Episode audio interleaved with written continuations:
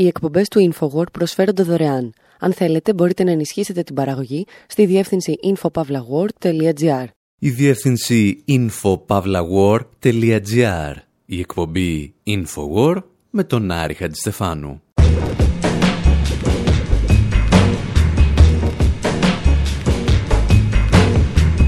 Όπου σήμερα αναθέτουμε στον Μπαμπά Στρούμφ να συνθλίψει την ιδιωτική ιδιοκτησία και στα αμερικανικά μέσα ενημέρωσης να διαλύσουν κάθε αίσθηση λογικής.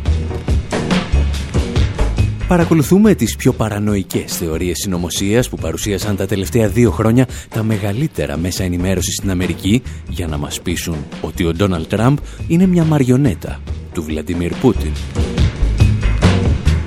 Υποπτευόμαστε ότι το μόνο που κατάφεραν είναι να κερδίσουν σε διασπορά fake news ακόμη και τον μεγαλύτερο ψεύτη που έχει περάσει από το Λευκό Οίκο.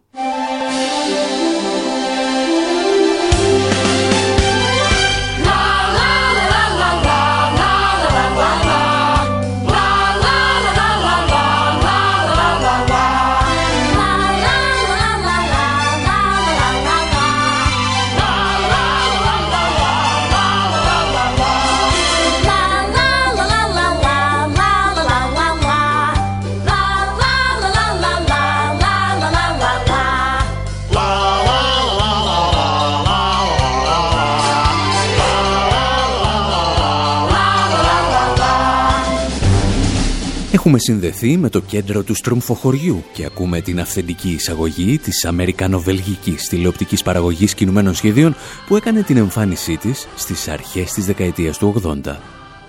Όταν η Στρομφίτα ήταν απλώς η Στρομφίτα και δεν ασχολούνταν μαζί της η Σοφία Βερκάρα σε μια κινηματογραφική παραγωγή 110 εκατομμυρίων δολάριων. Τα στρομφάκια πέρασαν από χίλια κύματα στην ιστορία τους. Ίσως όμως η πιο δύσκολη στιγμή στην καριέρα τους ήταν όταν κατηγορήθηκαν για τάση σταλινισμού.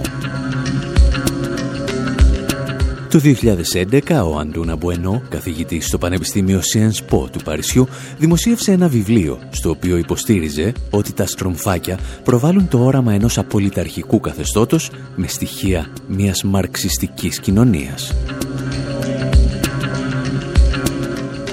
Τα βασικά επιχειρηματά του ήταν ότι στο στρομφοχωριό δεν υπήρχε ιδιωτική περιουσία, ενώ το άτομο συνθλίβονταν μέσα σε ένα κοινωνικό σύνολο το οποίο αντιστρατεύονταν την ατομική πρωτοβουλία. Ο δε Μπαμπαστρούμφ ηγούνταν ενός απολυταρχικού συστήματος και κυρίως έμοιαζε στον Κάρολο Μάρξ.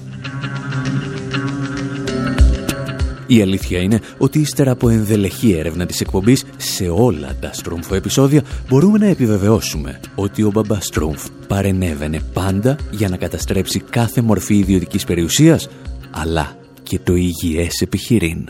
Γεια σου ξεφτέρι μου, πάνω στην ώρα σε χρειαζόμουν. Η στέγη μου έχει μια τρύπα και θέλει φτιάξιμο.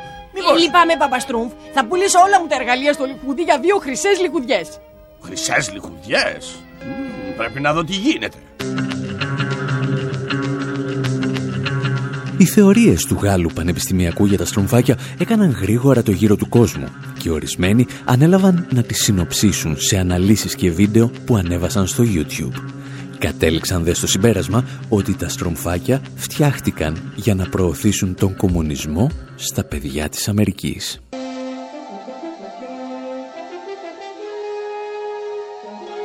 In 1981, NBC aired a new show called The Smurfs.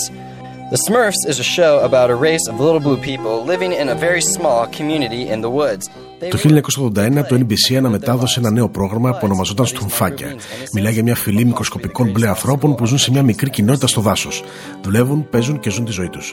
Είναι όμως αυτά τα μικρά πλάσματα αθώα ή μήπως το μεγαλύτερο εμπόδιο που είδε ποτέ η χώρα μας; Η πρώτη και πιο εμφανής ένδειξη ότι τα στροφάκια είναι κομμουνιστικά είναι ότι δεν υπάρχει οικονομία. Η κοινωνία τους λειτουργεί χωρίς κανένα νόμισμα και χωρίς εμπόριο και δεν φαίνεται να έχουν καμία επιθυμία ή ανάγκη για κάποια μορφή οικονομίας. Τα στροφάκια δεν έχουν αρχικό. Ανταυτού έχουν ένα πατέρα μια φιγούρα σοφού που τους καθοδηγεί να κάνουν το καλύτερο για την κοινωνία τους. Ο Μπαρμπαστρούμ φοράει κόκκινα για να δείξει την κομμουνιστική του αυθεντικότητα και καλεί τους συμπολίτες του να μοιράζονται και να συνεισφέρουν στην πολιτεία, στο κράτος, στην κοινότητα. Με την καθοδήγησή του, ο κομμουνισμός είναι πιο ζωντανός από ποτέ. Προσέξτε την εμφάνιση του Μπαμπαστρούφ. Ποιος σας θυμίζει, ο Μπαμπαστρούφ δεν είναι άλλος από μια αναπαράσταση του ίδιου του Καρλ Μάρξ. Ο κακός μάγος Δρακουμέλα αναπαριστά τον καπιταλισμό. Ενσαρκώνει όλα τα κακά του καπιταλισμού. Είναι άπλιστος, ανελέητος και το μόνο που τον απασχολεί είναι η δική του ικανοποίηση. Τα σουμφάκια είναι ένα πρόγραμμα για τον κομμουνισμό που νικά τον καπιταλισμό. Είναι ένα ενδιαφέρον παράδειγμα του πώς τα μέσα ενημέρωσης προσπαθούσαν να επηρεάσουν τα παιδιά κατά τη διάρκεια του ψυχρού πολέμου.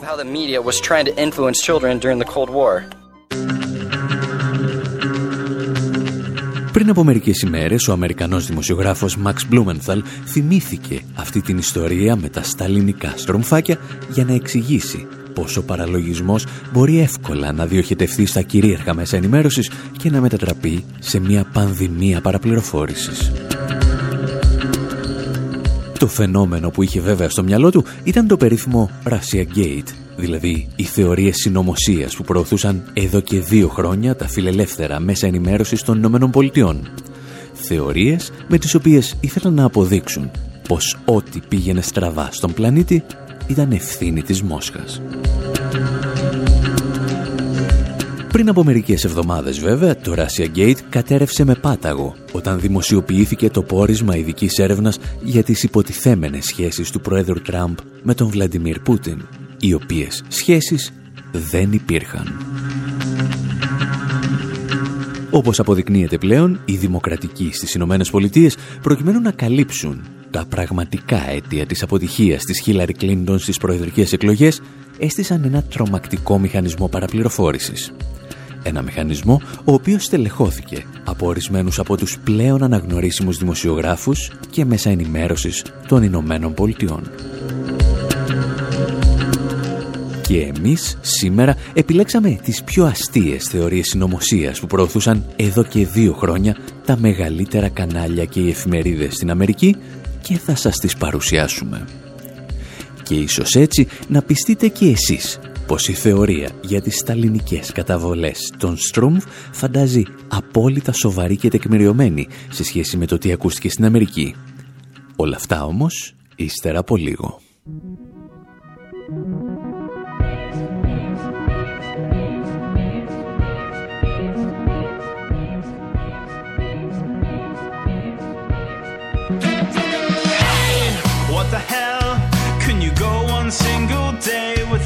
Deceiving us. Your narrative, it sucks. You're a fraud, you're a fake, and you are lying through your teeth. You're irrelevant, malevolent, and weak.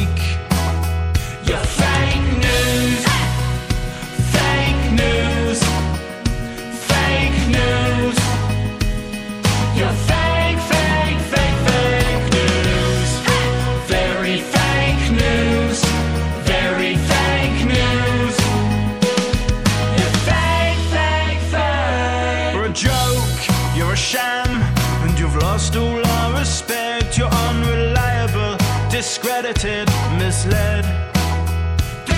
You should quit, close your doors, maybe piss on someone else. Cause we are sick of you and your attitude. You're so screwed, you're fake news. Fake news.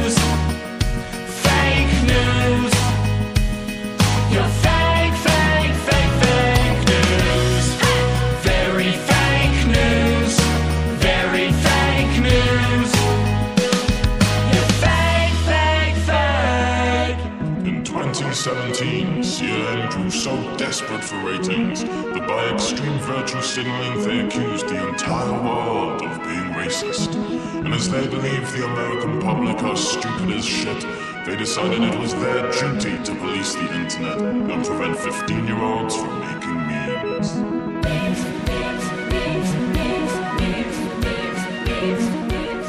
Ένα από τα δεκάδες τραγούδια που κυκλοφορούν στο YouTube για τα fake news που μεταδίδουν μεγάλα ειδησιογραφικά δίκτυα, όπως το CNN. Δυστυχώς, το τραγούδι είναι γραμμένο από έναν υποστηρικτή του Donald Trump. Και ίσως αυτή να ήταν η μεγαλύτερη καταστροφή που προκάλεσαν στην ενημέρωση τα φιλελεύθερα μέσα ενημέρωσης των Ηνωμένων Πολιτειών. Επιχείρησαν να αντιμετωπίσουν ίσως τον μεγαλύτερο ψεύτη που έχει περάσει από το Λευκό Οίκο με ακόμη πιο χοντροειδή ψέματα.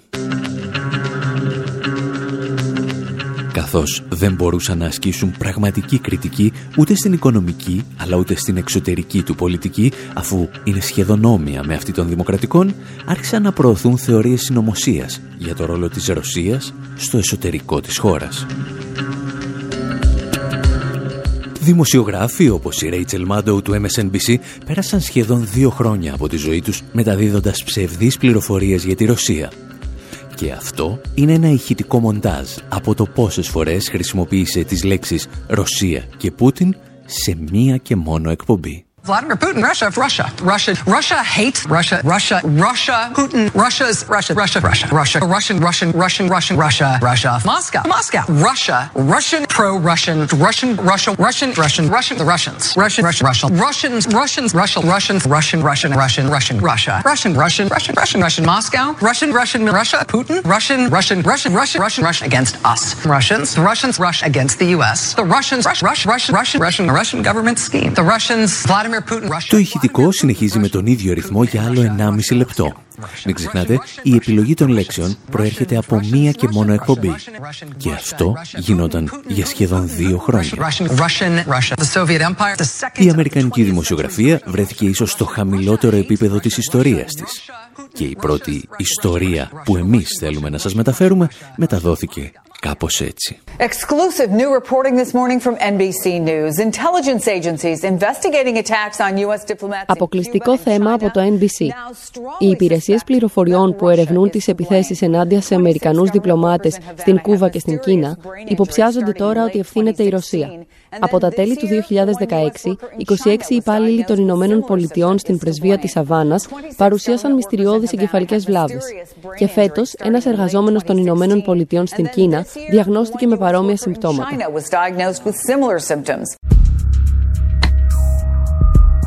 Για μήνες τα αμερικανικά μέσα ενημέρωσης υποστήριζαν ότι οι άγνωστοι χρησιμοποιούσαν ηλεκτρομαγνητικά όπλα για να προκαλούν εγκεφαλικές βλάβες στους Αμερικανούς διπλωμάτες στην Κούβα. Ουσιαστικά, λέει, τους κούφαιναν. Και όπως ήταν αναμενόμενο, σύντομα οι ίδιοι δημοσιογράφοι κατέληξαν στο συμπέρασμα ότι η μόνη χώρα που θα μπορούσε να διαθέτει σχετική τεχνολογία ήταν η Ρωσία. Τελικά βέβαια αποδείχθηκε ότι οι ήχοι που άκουγαν τα μέλη του προσωπικού της πρεσβείας οφείλονταν σε τριζόνια. Αρκετοί επιστήμονες μάλιστα εξήγησαν στη συνέχεια πως το φαινόμενο πήρε χαρακτηριστικά ομαδικής παράκρουσης και ένας μετά τον άλλο οι Αμερικανοί διπλωμάτες άρχισαν πραγματικά να πιστεύουν ότι αντιμετώπιζαν προβλήματα ακοής. Και αν αυτό δεν αρκεί για να μας κουφάνει, ίσως να τα καταφέρει η επόμενη θεωρία συνωμοσίας που ακούσαμε από κυρίαρχα αμερικανικά μέσα ενημέρωσης. Οι Ρώσοι, έλεγαν, ευθύνονται για την αντιπαράθεση που κλιμακώνεται στις Ηνωμένες Πολιτείες για το αν θα πρέπει να εμβολιάζονται τα παιδιά. Αυτή τη φορά μας τα εξηγούσε το CNN. Well, we learned this week that everyone is fair game in Putin's cyber attacks, even children. Αυτό που μάθαμε αυτή την εβδομάδα είναι ότι κανείς δεν γλιτώνει από τις κυβερνοεπιθέσεις του Πούτιν, ούτε καν τα παιδιά. Γνωρίζαμε στο παρελθόν ότι οι ψηφιακοί πολεμιστές της Ρωσίας πυροδοτούσαν διαδικτυακά debate για θέματα που αφορούν τα παιδιά, όπως ένοπλες επιθέσεις σε σχολεία. Τώρα, ερευνητές βρήκαν ότι 200.000 ρωσικοί λογαριασμοί εμπλέκονται σε ένα διαδικτυακό debate για τα εμβόλια. Όπως και σε άλλα φλέγοντα θέματα, οι Ρώσοι έπαιζαν και για τις δύο ομάδες, δηλαδή υπέρ και κατά των εμβολιασμών. Γιατί το μόνο που τους ενδιαφέρει είναι να προκαλούν το διχασμό.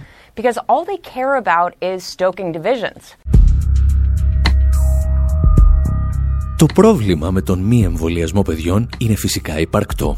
Γι' αυτό ευθύνεται όμως ο σκοταδισμός του αντιεμβολιαστικού κινήματος, ο οποίος απειλεί να φέρει την ανθρωπότητα στα χρόνια του Μεσαίωνα.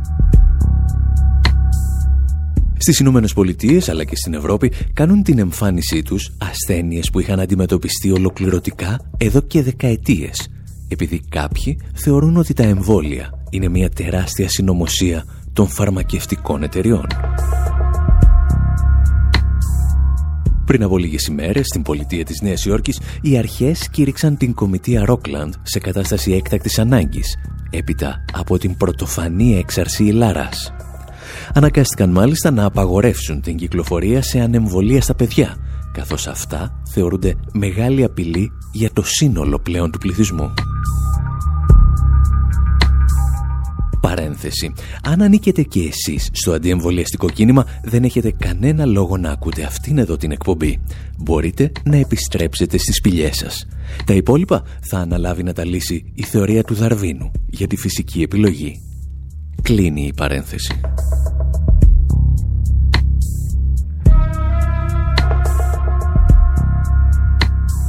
Οι hacker της Ρωσίας λοιπόν, σύμφωνα με το CNN, δεν προωθούσαν μηνύματα μόνο εναντίον των εμβολίων, αλλά και υπέρ των εμβολίων. Γιατί αυτό που ήθελαν, λέει, είναι να προκαλέσουν σύγχυση και κοινωνική αναταραχή. Και αυτό, όπως θα δούμε στο δεύτερο μέρος εκπομπής, είναι ένα επαναλαμβανόμενο μοτίβο στην Αμερικανική ενημέρωση που έχει τις ρίζες του στα χρόνια του μακαρθισμού.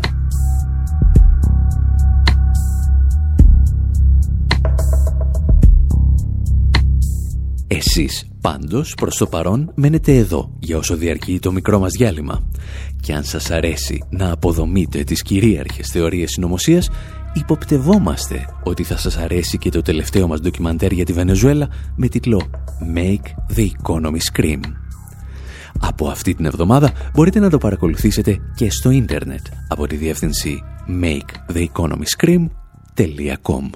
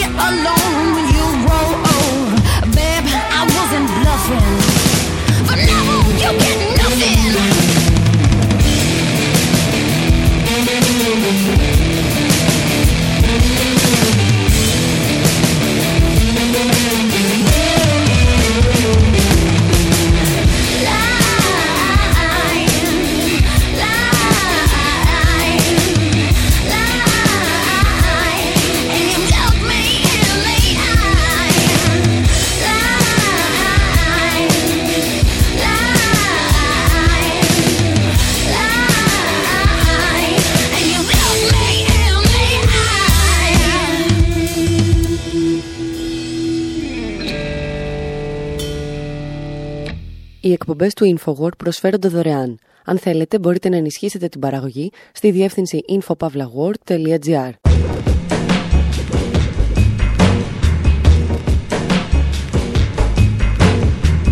Εκπομπή InfoWord, μέρος δεύτερο. όπου διηγούμαστε ορισμένες από τις μεγαλύτερες θεωρίες συνωμοσίας που προώθησαν τα τελευταία χρόνια τα κυρίαρχα μέσα των Ηνωμένων Πολιτειών για να μας πείσουν πως ό,τι στραβό συμβαίνει στον πλανήτη οφείλεται στη δράση της Ρωσίας. Είδαμε Αμερικανούς διπλωμάτες να κουφαίνονται στην Κούβα και Ρώσους χάκερ να υποστηρίζουν ταυτόχρονα ότι τα εμβόλια είναι καλά και κακά για τα παιδιά. Γιατί έτσι λέει προκαλούσαν σύγχυση και κοινωνικές συγκρούσεις στον πληθυσμό. Αυτό το τελευταίο όμως κάτι μας θύμισε.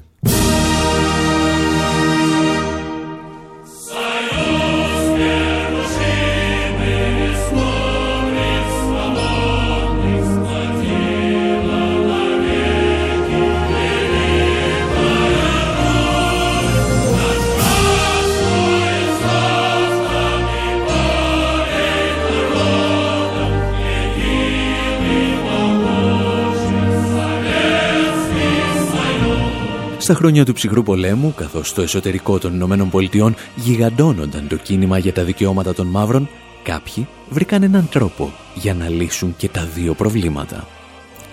Άρχισαν να διαδίδουν ότι η Μόσχα στρατολογεί ριζοσπαστικά στελέχη του κινήματος των μαύρων προκειμένου να διχάσει τις Ηνωμένες Πολιτείες και να προκαλέσει κοινωνικές συγκρούσεις. Ίσως ακόμη και εμφύλιο πόλεμο. Και μπορείτε φυσικά να φανταστείτε τι είχε υποθεί για το ένοπλο κίνημα που οργάνωσαν οι Μαύροι Πάνθυρες και το οποίο στην ιδρυτική του διακήρυξη είχε και μερικές αναφορές στον Κάρολο Μάρξ. Όπως ήταν αναμενόμενο, τα αμερικανικά μέσα ενημέρωσης ξέθαψαν αυτές τις θεωρίες συνωμοσία και τις παρουσίασαν σαν φρέσκες ειδήσεις τα τελευταία δύο χρόνια.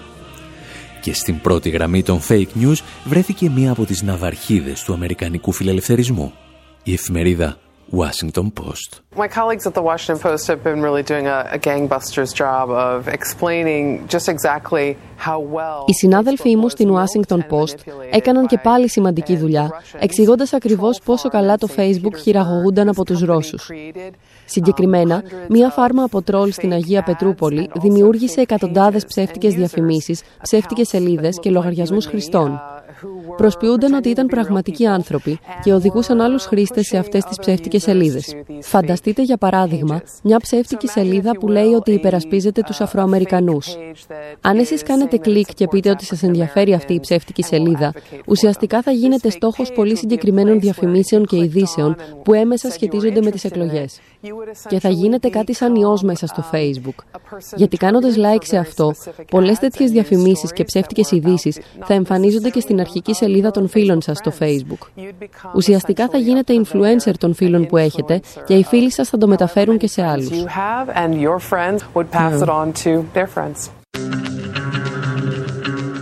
Ούτε λίγο ούτε πολύ, η Washington Post τοποθετούσε έναν εκρηκτικό μηχανισμό στα θεμέλια του νέου κινήματος για τα δικαιώματα των μαύρων, το οποίο έκανε την εμφάνισή του στις Ηνωμένες Πολιτείες τα τελευταία χρόνια.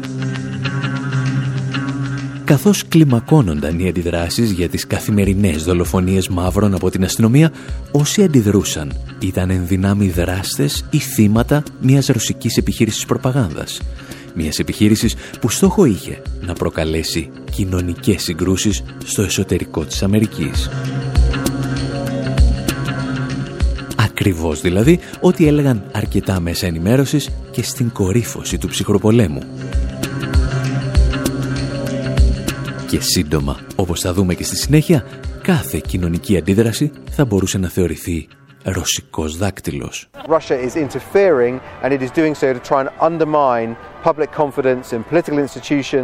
Η Ρωσία παρεμβαίνει με σκοπό να υπονομεύσει την εμπιστοσύνη του κοινού στους πολιτικούς θεσμούς και στα μεγάλα μέσα ενημέρωσης σε δυτικές χώρες. Πρέπει να αντιμετωπίσουμε τη διάδοση ψευδών ειδήσεων που προωθούνται από ψεύτικους λογαριασμούς στο Twitter και στο Facebook ως πραγματική απειλή για τη δημοκρατία μας. Η Washington Post όμως πρωτοστάτησε στη διάδοση ενός ακόμη τρομακτικού fake news για το οποίο θα συζητήσουμε ύστερα από αυτό.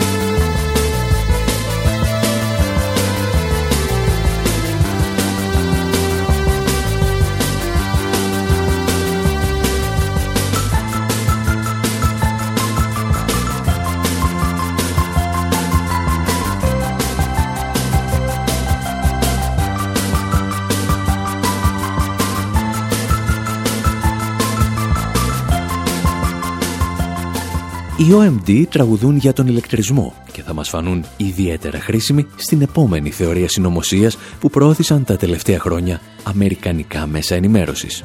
Σε μια προσπάθεια να μας πείσουν ότι η Ρωσία είναι σχεδόν έτοιμη να καταλάβει τις Ηνωμένες Πολιτείες, Αμερικανοί δημοσιογράφοι άρχισαν να διαδίδουν ότι η Μόσχα θα μπορούσε να διακόψει την παροχή ηλεκτρικού ρεύματος στο εσωτερικό αρκετών πολιτιών. Εδώ θαυμάστε το ρεπορτάζ του MSNBC.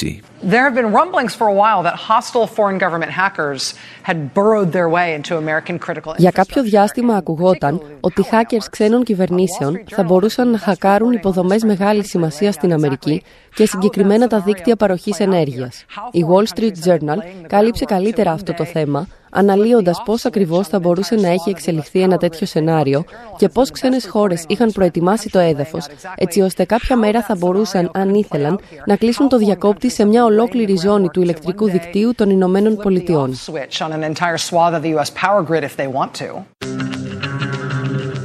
Όταν πλέον είχαν εξηγήσει τι θα μπορούσε θεωρητικά να κάνει η Ρωσία, κάποιοι δημοσιογράφοι αποφάσισαν να προχωρήσουν ένα βήμα παραπέρα και να υποστηρίξουν ότι το έκανε. Για άλλη μια φορά, η διάδοση των fake news ξεκίνησε από την Washington Post και γρήγορα έφτασε στα μεγαλύτερα φιλελεύθερα τηλεοπτικά δίκτυα. We begin with our top story yet another cyber attack in the US with possible ties to Russia. This time the target. Ξεκινάμε με το πρώτο μας θέμα. Ακόμα μια κυβερνοεπίθεση στις ΗΠΑ που πιθανώς συνδέεται με τη Ρωσία. Αυτή τη φορά στόχος είναι μια εταιρεία ηλεκτρικής ενέργειας στο Vermont. Η εταιρεία Burlington Electric αναφέρει ότι σε ένα από τους υπολογιστές της εντοπίστηκε κώδικας κακόβουλου λογισμικού που συνδέεται με επιχείρηση hacking από τη Ρωσία. Η εταιρεία είπε ότι ανακάλυψε την πιθανή παραβίαση αφού το Υπουργείο Εσωτερικής Ασφαλείας έστειλε προειδοποίηση σε εταιρείες ηλεκτρικής ενέργειας το βράδυ της Πέμπτης. Δεν είναι γνωστό πότε ο κώδικας εισήχθη στον υπολογιστή της εταιρείας στο Vermont.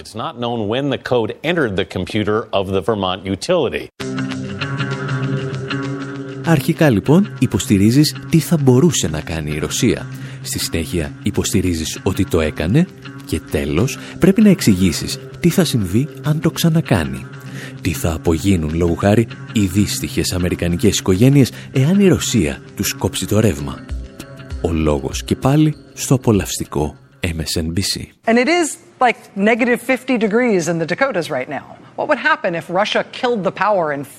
Αυτή τη στιγμή, στη βόρεια και τη νότια Ντακότα, έχει μείον 45 βαθμούς Κελσίου. Τι θα γινόταν αν η Ρωσία έριχνε το ρεύμα σήμερα στην πρωτεύουσα της Ντακότα; Τι θα γινόταν αν όλες οι γραμμές φυσικού αερίου που εξυπηρετούν την πόλη Σου Falls απλώς σταματούσαν να λειτουργούν την πιο κρύα μέρα που έχουμε ζήσει και δεν ήταν στο χέρι μας να τις επαναφέρουμε; Εσείς τι θα κάνατε αν χάνατε τη θέρμανσή σας, επαόριστον και ως αποτέλεσμα της πράξης μιας ξένης δύναμης, την ημέρα που η θερμοκρασία στην αυλή σας άγγιζε τα επίπεδα της Αρκτικής. Τι θα κάνατε εσείς και η οικογένειά σας;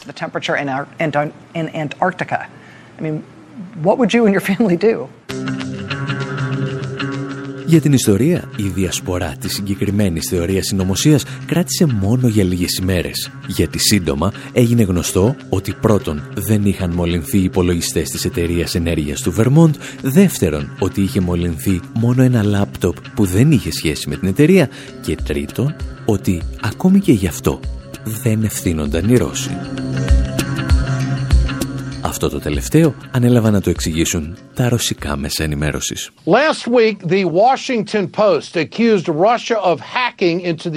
Την προηγούμενη εβδομάδα η Washington Post κατηγόρησε τη Ρωσία ότι χάκαρε το δίκτυο διανομής ηλεκτρικής ενέργειας των ΗΠΑ μέσω μιας εταιρείας ηλεκτρικής ενέργειας στο Vermont. Σε αρχές αυτής της εβδομάδας όμως η ίδια εφημερίδα παρουσίασε σχόλια ερευνητών που έλεγαν ότι η ρωσική κυβέρνηση δεν εμπλέκεται τελικά στην κυβερνοεπίθεση.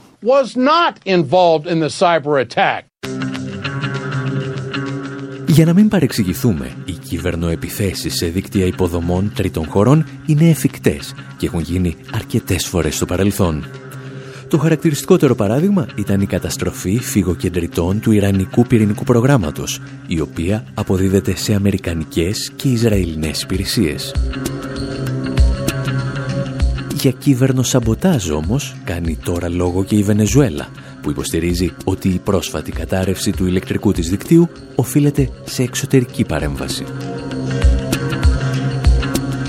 Η ειδοποιώς διαφορά όμως με τις Ηνωμένες Πολιτείες είναι ότι εκεί κανένας δεν επιτέθηκε σε κανέναν, αλλά τα μέσα ενημέρωσης έστησαν την ιστορία με ψευδείς πληροφορίες.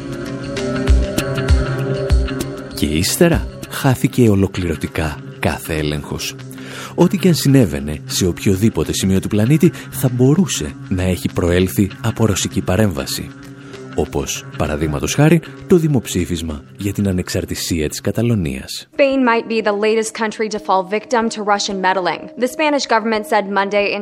Η Ισπανία ίσως είναι η τελευταία χώρα που έπεσε θύμα της ρωσικής παρέμβασης. Οι Ισπανικές υπηρεσίες πληροφοριών υποστηρίζουν ότι ομάδες με έδρα τη Ρωσία και τη Βενεζουέλα προώθησαν την ανεξαρτησία της Καταλωνίας και διέδωσαν ψευδείς πληροφορίες στα μέσα κοινωνικής δικτύωσης.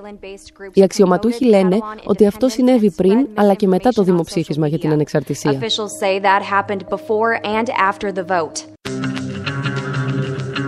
Και αν οι Ρώσοι δεν ευθύνονταν για το δημοψήφισμα για την ανεξαρτησία της Καταλωνίας, θα ευθύνονταν σίγουρα για το Brexit. Ή για την εκλογική νίκη των λαϊκιστών στην Ιταλία. Ή για τα κίτρινα γυλαίκα στη Γαλλία. Ή για οτιδήποτε εξέφραζε μια κοινωνική αντίδραση καλός ή κακός, στην οποία οι φιλελεύθεροι σχολιαστές δεν μπορούσαν, αλλά κυρίως δεν ήθελαν να δώσουν μια εξήγηση. Γιατί ένας από τους στόχους της διάδοσης των συγκεκριμένων θεωριών συνωμοσίας δεν ήταν να πληγεί η Ρωσία, αλλά να φημωθούν κινήματα που δημιουργούνταν στο εσωτερικό των Ηνωμένων Πολιτειών και της Ευρώπης. Και ένας από τους τρόπους για να επιτευχθεί αυτό θα ήταν να πιστούν εταιρείες όπως το Facebook και η Google να αρχίσουν να κατεβάζουν σελίδες με εναλλακτική ενημέρωση που υποτίθεται ότι σχετίζονταν με τη Ρωσία. Αν θυμάστε, είχαμε ασχοληθεί με το θέμα και πριν από περίπου δύο χρόνια και ξεκινάγαμε με το παρακάτω τραγούδι.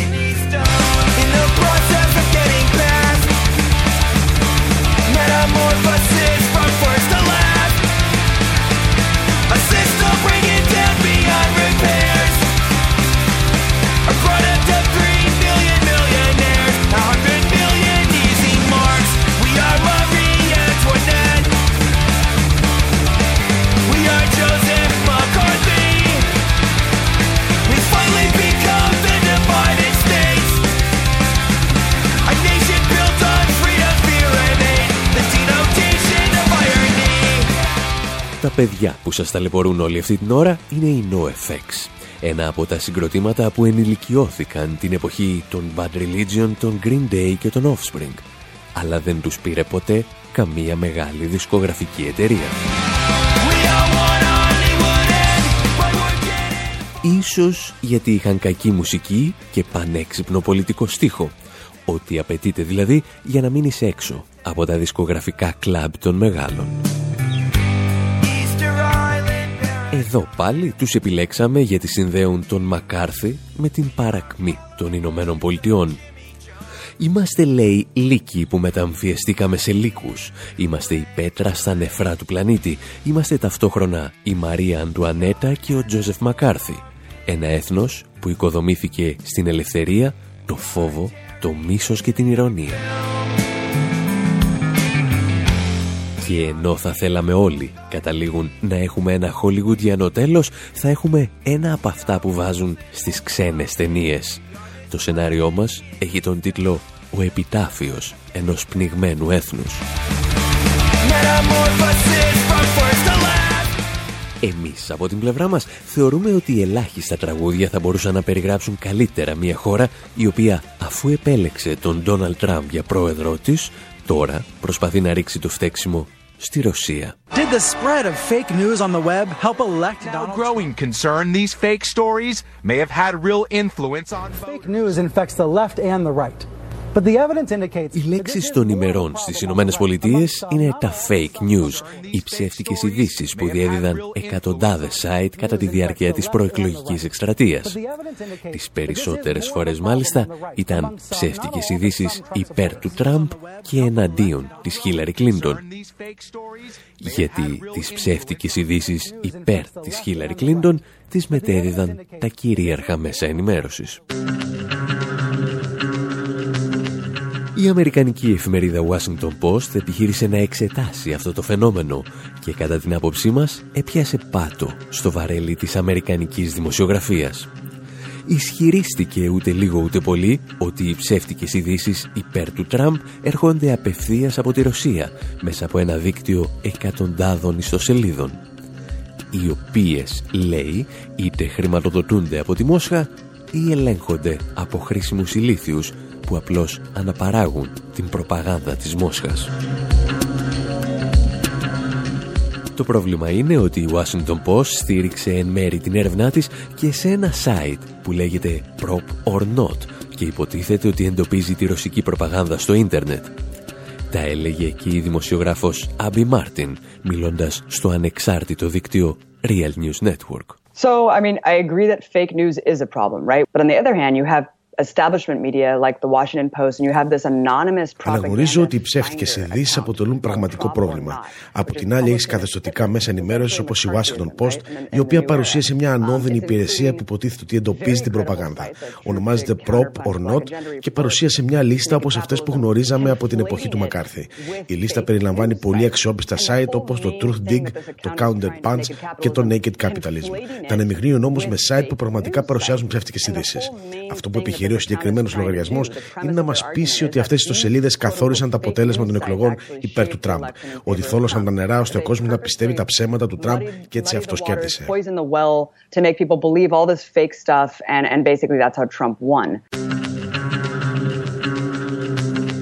Το Proper Note που δημιουργήθηκε πριν από μερικούς μόλις μήνες δεν αναφέρει πουθενά την ταυτότητά του και πολύ περισσότερο τις πηγές του. Αν το κάνει, λέει, θα του επιτεθούν Ρώσοι hacker. Και η Washington Post, χωρίς να ενδιαφερθεί να μάθει ούτε την ταυτότητα ούτε τις πηγές, άρχισε να πετά λάσπη σε εναλλακτικά και αριστερά site, συνδέοντάς τα με την προπαγάνδα της Μόσχας. Και αν σας θυμίζει κάτι αυτό, είναι γιατί η Washington το είχε δοκιμάσει με πολύ μεγάλη επιτυχία τη δεκαετία του 50 με τον γερουσιαστή Μακάρθη.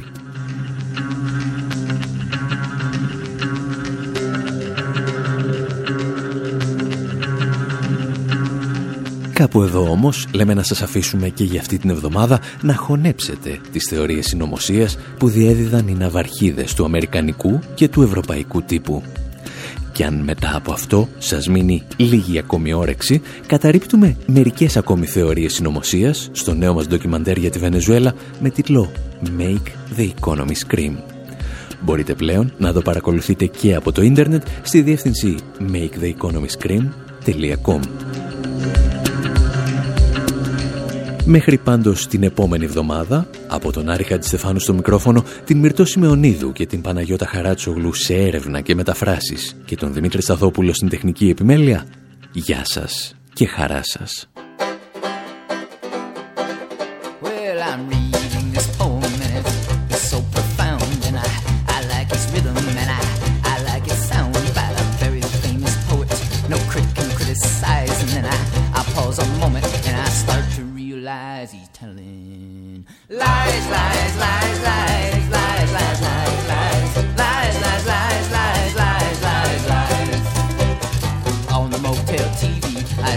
evangelist. He'd tell you all about that, and then he'd tell you all about this. He's preaching up a storm by the Sea of Galilee. He's mixing up the truth with something funny I start to see. He's telling.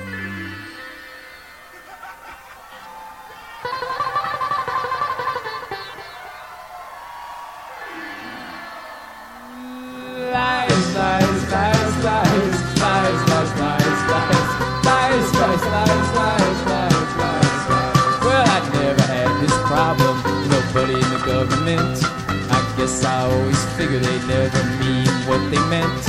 And God help us all not to be so stone surprised when we wake up in the stars with the skies in our eyes.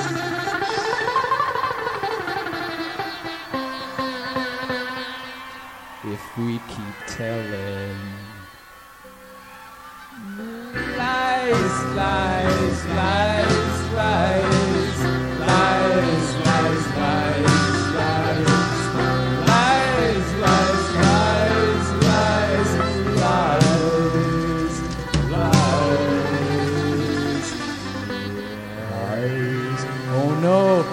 I brought it to the end of the song and we didn't get a chance to jam. Oh no, here we go.